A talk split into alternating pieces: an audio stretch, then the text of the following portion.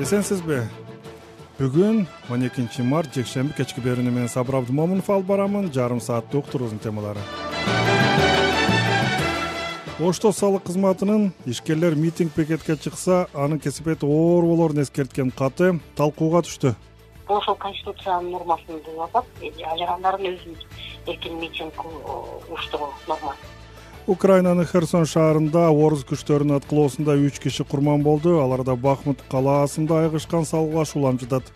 Беспилотники минометы ракеталарды артиллерияны учкучсуз учактарды жана минометторду мунун баарын кара ниет мамлекет колдонуп жатат. Максаты баарын бүлүндүрүп жашоону тыптыйпыл кылуу жер көчкү коркунучу бар аймакта жашап жаткан арстан баптыктарды айыл өкмөт сотко берип мажбур көчүрүп чыгууга камданып жатат. Ошо бир жыйырма жыйырма эки тегерегиде ошол ошолорду сотко бериш керек болуп атат. Мажбур түрдө көчүрүшкө туура келип атат. Ушул темаларга алдыда кеңири токтолобуз азаттык менен калыңыз азыр болсо кыргызстанда жана дүйнөдөгү акыркы жаңылыктарды эрнест нурматовдон угуп алалы рахмат саламатсызбы? Кыргыз темир жолу мамлекеттик ишканасынын казакстандын аймагында кырсыкка кабылган бишкек самара багытындагы поезддин кызматкерлери президент садыр жапаровго кайрылуу жолдоп аларга жетиштүү жардам болбой жатат деп даттанышты алардын видео кайрылуусу социалдык түйүндөргө жарыяланды. Видеодо өзүн аталган багыттагы поезддин башчысы деп тааныштырган чолпон асанова бир аптадан бери жетекчилик чара көрбөй жатканын белгиледи пятого числа по станции бирчугур бешинчи мартта беш шугур бир шугур станциясынын шалкар тилкесинде биздин поезд тепловоз менен кагышып натыйжада үч вагон рельстен чыгып кетти. Бизде эки жүз жыйырма тогуз жүргүнчү жана жыйырма эки поезддик бригаданын мүчөлөрү бар болчу. Кыргызстан улам эки жүргүнчү жана эки борт коштоочу жабыркады. Поезддик бригаданын ыкчам аракеттеринин натыйжасында жүргүнчүлөр өз убагында эвакуацияланды. Медициналык биринчи жардам көрсөтүлдү. Учурда борт коштоочулар бишкекте дарыланууда жатат бирок биздин кыргыз темир жол ишканасынын жетекчилиги тараптан эч кандай чара көрүлгөн жок деп белгилейт чолпон асанова. Анын айтымында төрт кызматкер учурда казакстанда акчасы тамак ашы жарыгы жок отурушат. Ал жакта бир миллион сомдук жабдуулар болгондуктан алар ошону кайтарып жатышат кыргыз темир жолу мамлекеттик ишканасынын басма сөз кызматы бул жагдайга байланыштуу билдирүү таратып аталган кызматкерлердин маалыматын төгүндөдү. Сүйлөшүүлөрдүн натыйжасында жүргүнчүлөргө казакстан темир жолу ишканасы жардам берип кырсыкка кабылган вагондон башка бөлүгү каттамды андан ары улантканын кабарлады ишкана ал жакта калган кызматкерлер отурган вагон жылуулук жана суу менен камсыздалганын алардын маяналары эсептеле берерин белгилеген.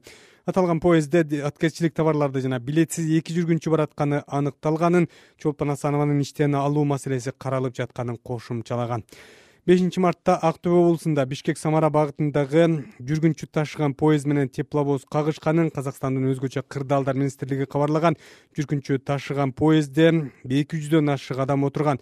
Алар казакстандын кыргызстандын жана орусиянын жарандары болгон. Прагадагы өкмөткө каршы митингде жыйырмага чукул киши кармалды. Чехиянын борбору прага шаарында демонстрацияга чыккан миңдеген киши учурдагы өкмөттүн саясатына каршылыгын билдирди он биринчи мартта чехия жакырчылыкка каршы деген иш чараны парламентке кирбеген саясий партиялар уюштурду. Алардын арасында орусиячыл көз караштагылар да бар. Чыгып сүйлөгөндөрдүн айрымдары чех бийлигин украинаны колдогон үчүн айыптап анын айынан өлкөдө баалар өсүп жашоонун деңгээли начарлап кеткенин белгилешти айрымдар вацлав аянтындагы улуттук музейдин имаратынын сыртына илинген украинанын чоң желегин алып салууга аракет кылганда полиция токтотуп калды. Ал киевке тилектештик иретинде былтыр орнотулган кагылышта он сегиз демонстрант кармалып эки полиция кызматкери жаракат алганы расмий кабарланды. Жакырчылыкка каршы күрөш деген чакырык менен уюштурулган акцияга орусиячыл турумду карманган саясий күчтөр кошулуп кеткенин маалымат каражаттары жазышты чехиянын ички иштер министри вит ракушан жакырчылыкка каршы деп мүнөздүргөн бул митингдеги айрым аракеттерди орусиячыл күчтөрдүн кутуму катары сыпаттады. Чех өкмөтү украинадагы согушта киевти колдоп москвага москваны айыптайт. Эки күн мурун кызматка киришкен президент петр павел да орусиянын украинага басып киргенине каршы позицияда туруп чехиянын батышчыл багытын жактайт израилде соттук реформага каршы митинг өтүп жатат. Сегиз миллиондук калкы бар өлкөдөгү аталган демонстрацияларга кеминде беш жүз миңдей адам чогулду. Бул израилдин тарыхындагы эң ири каршылык акциясы болуп калды. Биньямин нетяхнахунун өкмөтү сунуштаган соттук реформаларга каршы митингдердин башталганына он апта болду. Жаңы реформага ылайык жогорку соттун судьяларынын иш жүзүндө парламенттик көпчүлүк аныктап калат. Мындан сырткары сот өкмөттүн чечимдерин жокко чыгаруу укугунан ажырайт. Каршылыкка чыккандардын пикиринде бул соттордун көз карандылыгын толук жоготууга алып келет. Былтыр октябрда өткөн шайлоодо ликут партиясы жеңип чыгып анын башындагы биньямин нетянаху израилдин премьер министр болуп кайра шайланган ал өзүнүн карьерасында ушуну менен алтынчы жолу өкмөттү жетектеп жатат. Нетянаху соңку нааразылыктарды анын кызматтан кетирүүнү каалагандар уюштуруп жатат деп эсептейт. Кыргыз тажик чек арасындагы э, куралдуу жаңжалда жабыркаткан баткен облусунун үч жүз жетимиш жети жашоочусунун отуз алты миллион сомдук насыясы толук жоюлду бул тууралуу улуттук банк кабарлады мекеме маалымдагандай аталган окуяга байланыштуу насыясын төлөй албай арыз менен кайрылгандардын жалпы саны беш жүз он төрт болгон. Калган арыздар дале каралып жатат эки миң жыйырма биринчи жылдын апрель майында жана эки миң жыйырма экинчи жылдын сентябрында кыргыз тажик чек арасында кандуу окуяда баткен облусунун бир катар айылдары талкаланып өрттөлгөн ондогон адам каза болгон. Миңдеген адам үй жайын таштап качууга мажбур болгон. Алардын айрымдары коопсуздук маселесинен улам үйүнө кайта электиги парламентте бир нече жолу айтылды. Чек арадагы жаңжалда жакындарын жоготуп үй жайы өрттөлгөндөр жана аймактагы кырдаалдан улам насыясын төлөй албай калгандар өкмөткө кайрылып насыясын кечүүнү же жылдыра турууну өтүнүшкөн америкалык белгилүү экономисттер даро нажем уулу менен джеймс робинсондун why nation fail китеби эмне үчүн кээ бир өлкөлөр өнүкпөйт деген аталыш менен кыргыз тилинде жарык көрдү. Бул тууралуу бугу пресс басма үйүнүн жетекчиси чаныбек абидетегин кабарлады. Китептин авторлору бул эмгегинде өлкөлөрдүн өнүгүп же өнүкпөй калышынын негизги себептерин мисал менен талдашат.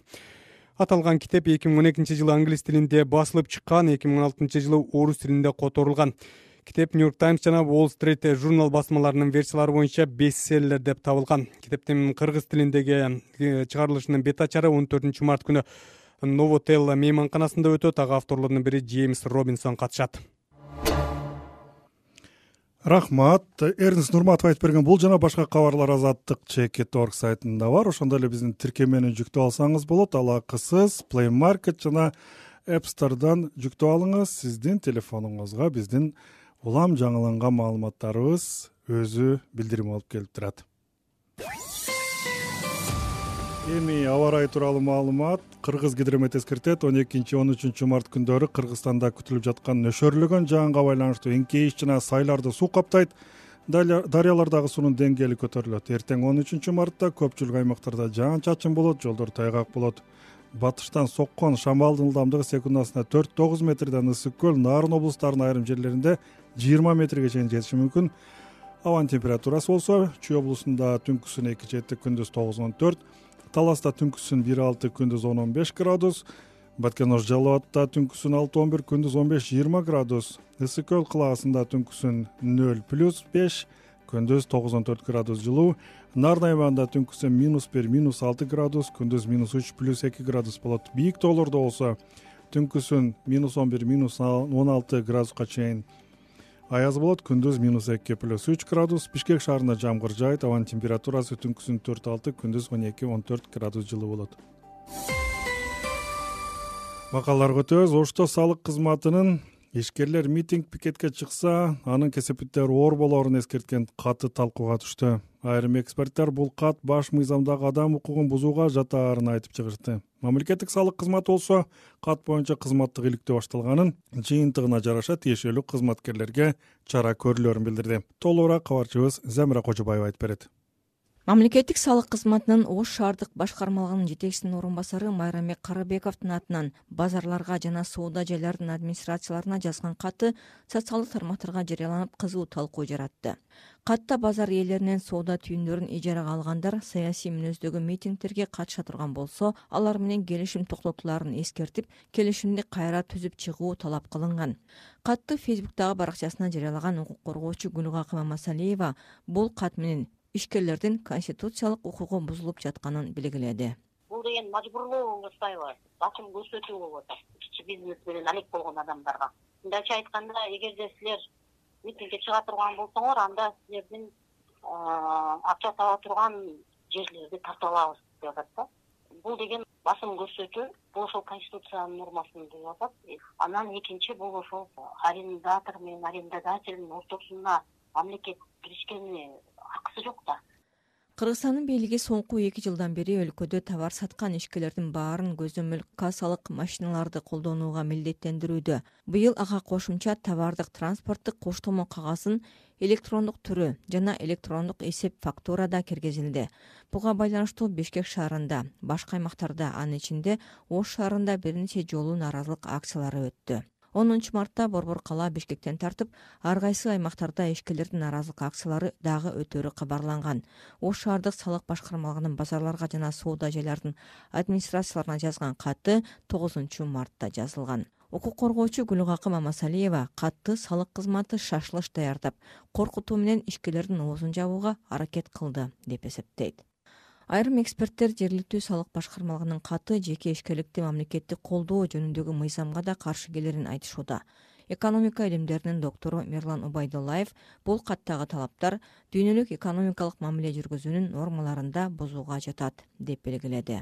Ошол аренда берүүчү жак ошол келишимди кайрадан түзүп туруп жанагы арендага берилген имарат болобу соода саттык точкалары болобу аны алып коет деген өзү туура эмес да. Себеби анын баардыгы келишимде көрсөтүлгөн болуш керек. Келишимде жалпы мыйзамда көрсөтүлгөн нормаларга каршы келип анан ошондо аренда боюнча келишимди башкадан карап чыгабыз десе анда туура бул эки тараптын ортосундагы түзүлгөн келишимде ал көрсөтүлбөгөн болсо анда арендага берүүчү арендодатель деп айтып аткан жак аны алып коюуга эч кандай укугу жок бул жалпы дүйнөлүк экономикалык мамиле жүргүзүүдөгү норма и биздин ички нормабызда дагы бул маселе каралган.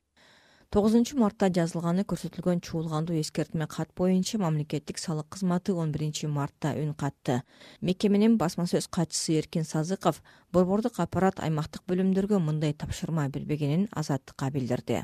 Булар жанагы аша чаап кеткендер да инициатива өздөрүнө алып биз бирөөнү айтсак булар экинчисин кылганы да салык органдары менен түшүндүрүштөрүн жүргүзүп атабыз. Азыр аймактардан кандай болбош керек депчи. Мүмкүн ошол эле ишкерлерден кандайдыр бир жалобалар чыгып калса албетте биз чара көрөбүз. Ошол эле учурда айрым эксперттер мамлекеттик салык кызматынын иликтөөсү жетишсиздигин белгилеп. Бул ишке башкы прокуратура кийлигишүүсү зарылдыгын айтышууда. Башкы көзөмөл органы кат боюнча азырынча комментарий бере элек. Замира кожобаева азаттык бишкек азаттыктан уктуруубузду улантабыз украинанын херсон шаарында орус күчтөрүнүн он биринчи марттагы аткылоосунда үч киши курман болду. Анын алдында днепропетровск харьков донецк облустарында бир канча жайкын тургун көз жумган. Аларда чыгыштагы бахмут калаасында айгышкан салгылашууланып жатат. Орустар шаардын чыгыш тарабын ээлегени украиндар батыш тарапта коргонуп жатканы тууралуу маалыматтар бар. Украинадагы акыркы жагдайга прагадан санжар эралиев токтолот орус армиясынын ишемби күнкү аткылоосунда херсон калаасындагы жайкын тургундар бутага алынды. Николаевский шоссесинде жайгашкан супермаркеттин жанында үч киши окко ушту дагы үчөө жарадар болду. Азаттык радиосунун украин кызматынын кабарчысы тарткан видеодо көрүнүп тургандай бир канча автоунаага снаряд тийип күйүп кеткен украинанын президенти владимир зеленский окко учкан кишилер дүкөнгө азык түлүк алганы барганын айтып муну москванын кезектеги террордук чабуулу деп сыпаттады. Ракеты и артиллерия беспилотники минометы ракеталарды артиллерияны учкучсуз учактарды жана минометторду. Мунун баарын кара ниет мамлекет колдонуп жатат.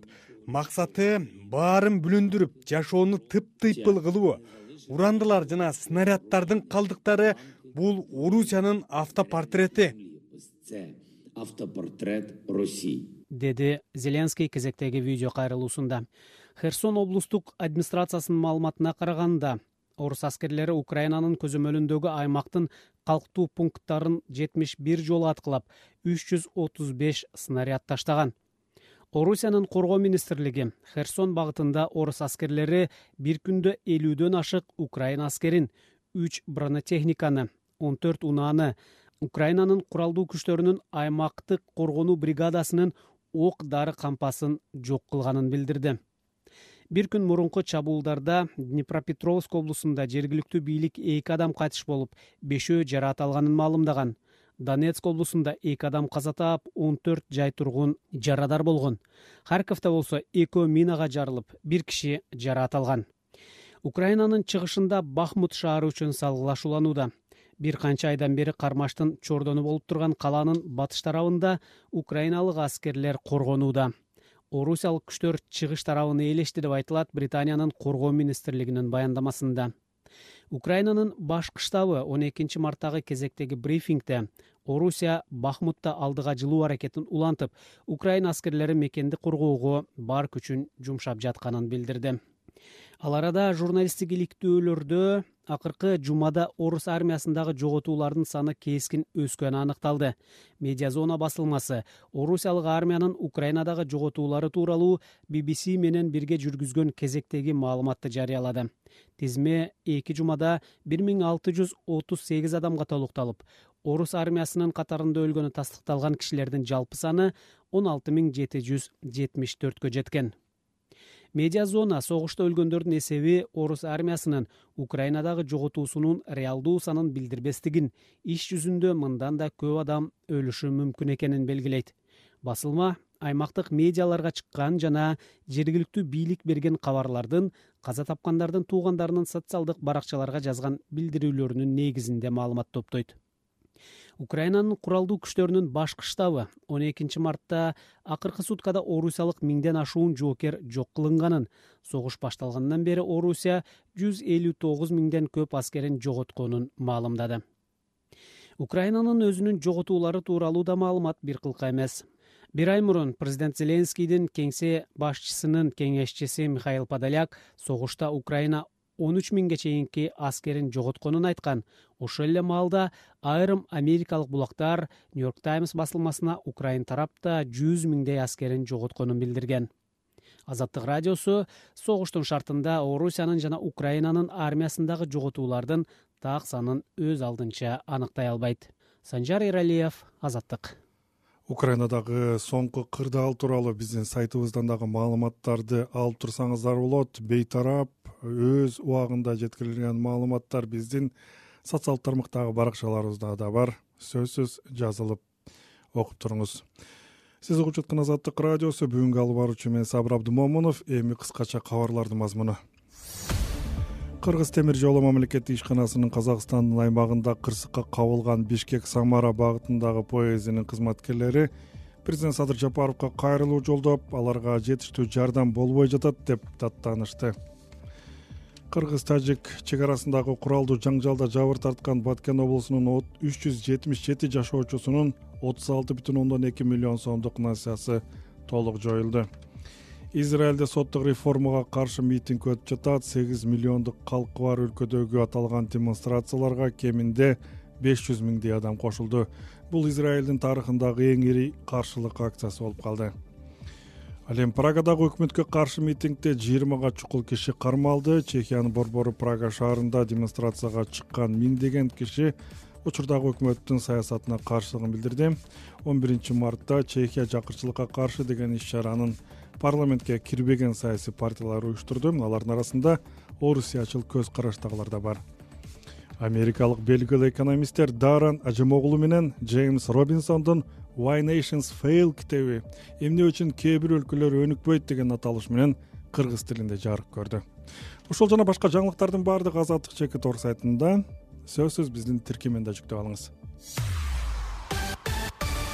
Ошондо сиздин телефонуңузга атайын билдирим болуп келип турат. Ошондой эле социалдык тармактагы э, биздин баракчаларга жазылсаңыз өз убагында биздин макалаларды ал эми youtube каналыбызда биздин видеолорубузду көрүп турсаңыз болот азаттыктан уктуруубузду ооганстан тууралуу баян менен улантабыз. Бириккен улуттар уюму аялдардын тилектештигинин эл аралык күнүндө жасаган билдирүүсүндө ооганстандагы талиптердин кыз келиндерге каршы жүргүзгөн саясатын дүйнөдөгү эң репрессивдүү деп атап дагы бир жолу айыптады.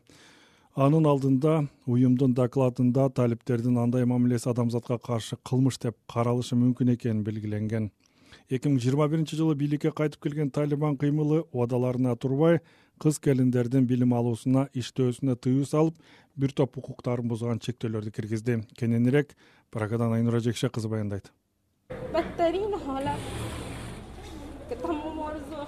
сен аялзат өкүлү болгон үчүң эле жазалашканда абдан кейиштүү абалда калат экенсиң. Ислам аялдардын билим алуусуна тыюу салбайт. Пайгамбарыбыздын аялы ишкер айым болчу ал эми биздин окуп билим алуубузга тыюу салышууда.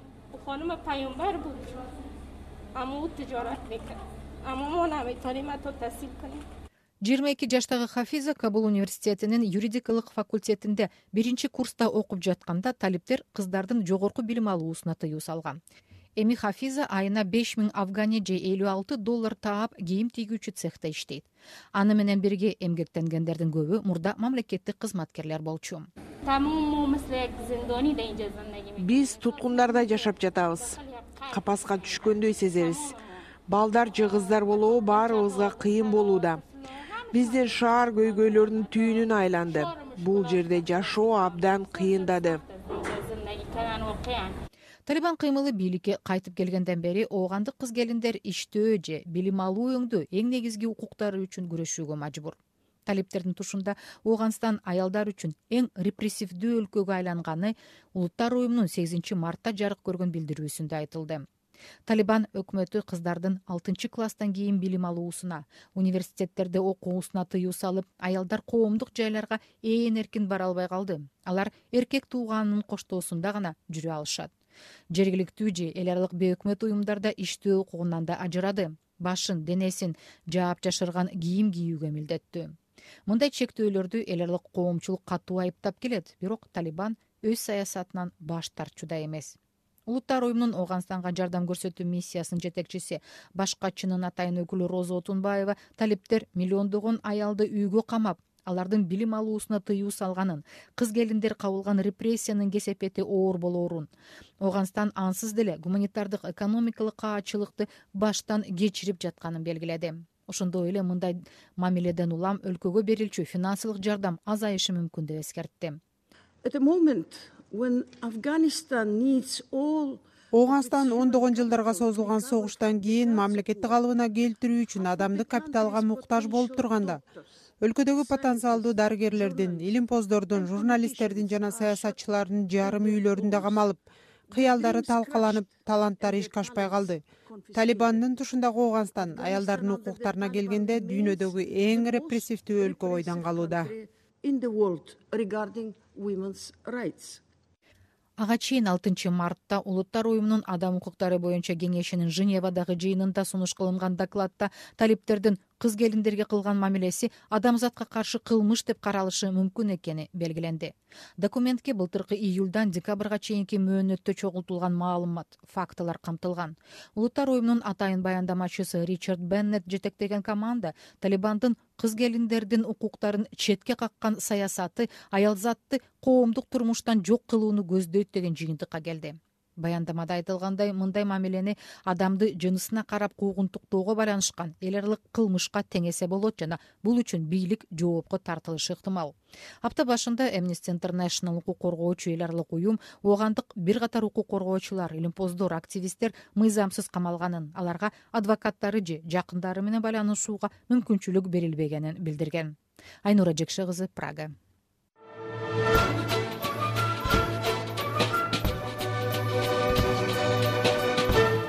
жергиликтүү темага келсек арыстан баб айыл аймагындагы жетимиш эки үй бүлө жер көчкү коркунучу бар аймакта жашап жатышат. Аларга эки миң он жетинчи жылы коопсуз жайдан жер тилкелери менен кенемте да берилген бирок ага карабастан кооптуу аймактан чыкпай жатышат. Мындан ары айыл өкмөт эскертүүгө карабай жашап жаткандарды сотко берип мажбур көчүрүп чыгууга камданып жатат. Арыстан бабка кабарчыбыз талгат абджалил уулу барып келген. Бул союз малында бар моногу бет менен ошо кумканада гараждын тушуна барып жарылган да. Арыстан баб айыл аймагынын жарадар айылынын жашоочусу көпөн чоюнбашев байбичеси эки небереси менен жер көчкү коркунучу бар аймакта жашап жатат. Ал коопсуз делинген орто сай участкасынан жер тилкесин алып турак жай бүтүрүп бир баласын үй бүлөсү менен киргизип коюп өзү мал жандыктарын жана жаңгак токоюн таштап кете албаганын айтып жатат. Көпөн ата жарадар айылында көчкү коркунучу бар экендигине ишенбейт. Эми ал жакта мал карашың деле кыйын да. Сегиз сотик жерде ичиңе малды камап алып отура белең каяка айдап барасың эми айтылган эми ылдый көчүп кетсеңер жаңы жайтыңарга эч ким тийбейт а тийбейт болбойт ал баары бир тиет. Жүз элүү миң берген. Дубалын тургузганга жетет да. Калганына жетпейт баардыгы эле ошон үчүн турат да каражаттын жетпегенине арыстан бабтагы жарадар айылында жүздөн ашуун кожолук жашайт. Алардын көчкү коркунучу жаралган аймактагы жыйырма сегиз үй бүлөгө жер тилке берилген. Бирок кооптуу айылдан болгону сегиз үй бүлө гана көчүп кеткен. Айылда жер тилке ала албай. Кооптуу аймакта аргасыздан жашап жаткандар дагы бар. Алардын бири олжобай омарбеков. Чек берсе барып салам. Бирок ошол сайдан корком анан тамдын мындай жаракатынан азыр өкмөткө эми көрсөткөм аны ол айыл башчыга эми көрсөткөм болупту экинчи потоктон жер беребиз постоянно деп неме кылып ошол боюнча жер берилди базар коргон районундагы кооптуу аймакта эки жүз эки турак жай бар. Алардын жетимиш экиси арыстан баб аймагында жайгашкан. Тийиштүү адистер ал үй бүлөлөргө коопсуз аймакка көчүү жөнүндө түшүндүрүү иштерин жүргүзүп жатышат. Дегени менен жашоочулардын басымдуусу кооптуу аймактан кеткиси жок. Арыстан баб ата айыл өкмөтүнүн башчысы икрамжан чолпонов. отуз эки жаран уже тамды салып көчүп кетишкен. Ошо базар коргондо орто сай деген участка бар ошол жерге кырк эки үй бүлө көчүп кете элек. Ошо бир жыйырма жыйырма эки тегерегиде ошол ошондо ошолорду сотко бериш керек болуп атат материал чогултуп э, полный сотко берип мажбур түрдө көчүрүшкө туура келип атат арыстан бабтагы кооптуу жерде жашаган жетимиш эки үй бүлөгө эки миң он жетинчи жылы базар коргон районунун орто сай участкасынан сегиз сотуктөн участка берилген. Жашоочулар турак жайларды салып бирок жашап жаткандары аз эле. Беш жыл мурда жаңы конушка көчүп келген беш баланын энеси динара сулайманова жаңы айылга көнүп коро жайын бакчасында жашылдандырып балдарын мектепке да жайгаштырган. Айылда жарык менен таза суу көйгөйү чечиле элек жарадардан келдик биз көчүп. Анан жарадардан үйүбүздүн үстүнөн көчкү түшкөн. Анан ошо кооптуу экенде бизди чыгарып жиберген ошол замат эле чыгарып жиберген бизди. Анан чыгып бияка ошо эки миң он сегиз келгенбиз да келип ушул жерге сегиз сотиктен жер берди бизге. Ошол эле тамды алып келип ушул жака салдык да. Мектеп кичинекей уулум биякта алтымыш жылдык неме моголдо окуйт мектеп жакын он беш мүнөттөй кирип барат. А кыздарым алтымыш жылдыкта окуйт. Келишибиз менен эле кудук кылганбыз. Анан анча мынча арыктардан суу келип калат көчөттөрүбүзгө. Свет бизге жакын эле. Өзүбүз кошуна үч кошуна болуп туруп зым тартып свет алып келип алганбыз. Ал жаңы коюлуп атыптыр жаңы столба жакында коюлду эми зымын алып келип беребиз деп ошентти жаңы конуштун дагы бир жашоочусу каныбек базаркулов орто сайдагы балдар үчүн мектеп бала бакча көйгөйү чечилген эмес дейт. Ал социалдык мекемелерге делген жер тилкелери күн өткөн сайын айланасынан жер тилкелер берилип жатып тарып баратат деп нааразы. Могул жерге магазин салыныш керек. Анан мынмынау тамдын аркасында фаптын орду бар. Анын аркасында банянын орду бар. Наркы үй мектептин ордунда турат мектептин анын биягында дагы бир там бар. Анан могу садиктин алдында эките там бар. Жерлер берилип кеткен. Эми мектепке кичине жер калды. Могу фаптардын орду бар жогу сатылып кеткен да. Бул боюнча кат жолдодук жапаров урматтык жапаровго ал кат келсе деле тоготпой эле документ кылышка аракет кылып атат орто сай айылына жалпы кооптуу делинген райондогу төрт беш айылдан эки жүз элүүдөн ашуун үй бүлөгө жер тилкелер бөлүнүп берилген. Мында мектеп бала бакча фап дүкөн жана таза суу менен электр энергиясы толук жеткирилген эмес. Жергиликтүү бийлик быйыл таза суу менен жарык толук жетерин айтып жатат. Базар коргон районунун акиминин орун басары жеңишбек токтогулов. Ал жерде тиешелүү мекеме уюмдардын архитектура кадастрлардан өкүлдүктөр алып барып дагы ал жерде элибизге түшүндүрдү проектине чийилген ал жерде негизинен соц объекттер ал жерде курулуш керек мектеп балдар бакчасы ал жерде магазин дагы жана башкалар да соц объекттер ошолордун баардыгын негизинен биз көрсөтүп бир келишимге келгенбиз. Только бул жердеги проекти менен азыркы айтып атам ошо курулуш маселесиндеги акча маселеси. Эгерде биз ушул долбоорду ишке ашырылып калып капиталдык салымдардан ошол тиешелүү акча болсо быйылкы жылда баштайбыз деген мэриянын планында бар жалал абад облусунун базар коргон сузак аксы нокен району жана кара көл майлуу суу жалал абад шаарларында жалпы бир миң бир жүз алтымыш кожолук жер көчкү таш кулоо кар көчкү сел каптоо коркунучу бар аймактарда жашап жатышат. Өлкө аймагында жалпысынан жер көчкү сел коркунучунда турган бир миң эки жүз аймак бар. Алардын басымдуу бөлүгү ош жалал абад облустарында жайгашкан. Талгат абджалил уулу азаттык жалал абад облусу. Бул жана башка макалалардын видео версиясын сиз youtube каналыбызда таба аласыз. Ошондой эле биздин тиркемени да жүктөп алыңыз акысыз жаңылыктарды улам өз убагында окуп турасыз. Ушуну менен азаттык радиосунун жарым сааттык уктуруусун жыйынтыктап турайын алдыда жаңы уктуруу. Бүгүнкү модератор мен сабыр абдымомунов э, жаңылыктарды эриниз нурматов даярдап жатат. Азыр кайра уктуруубуз уланат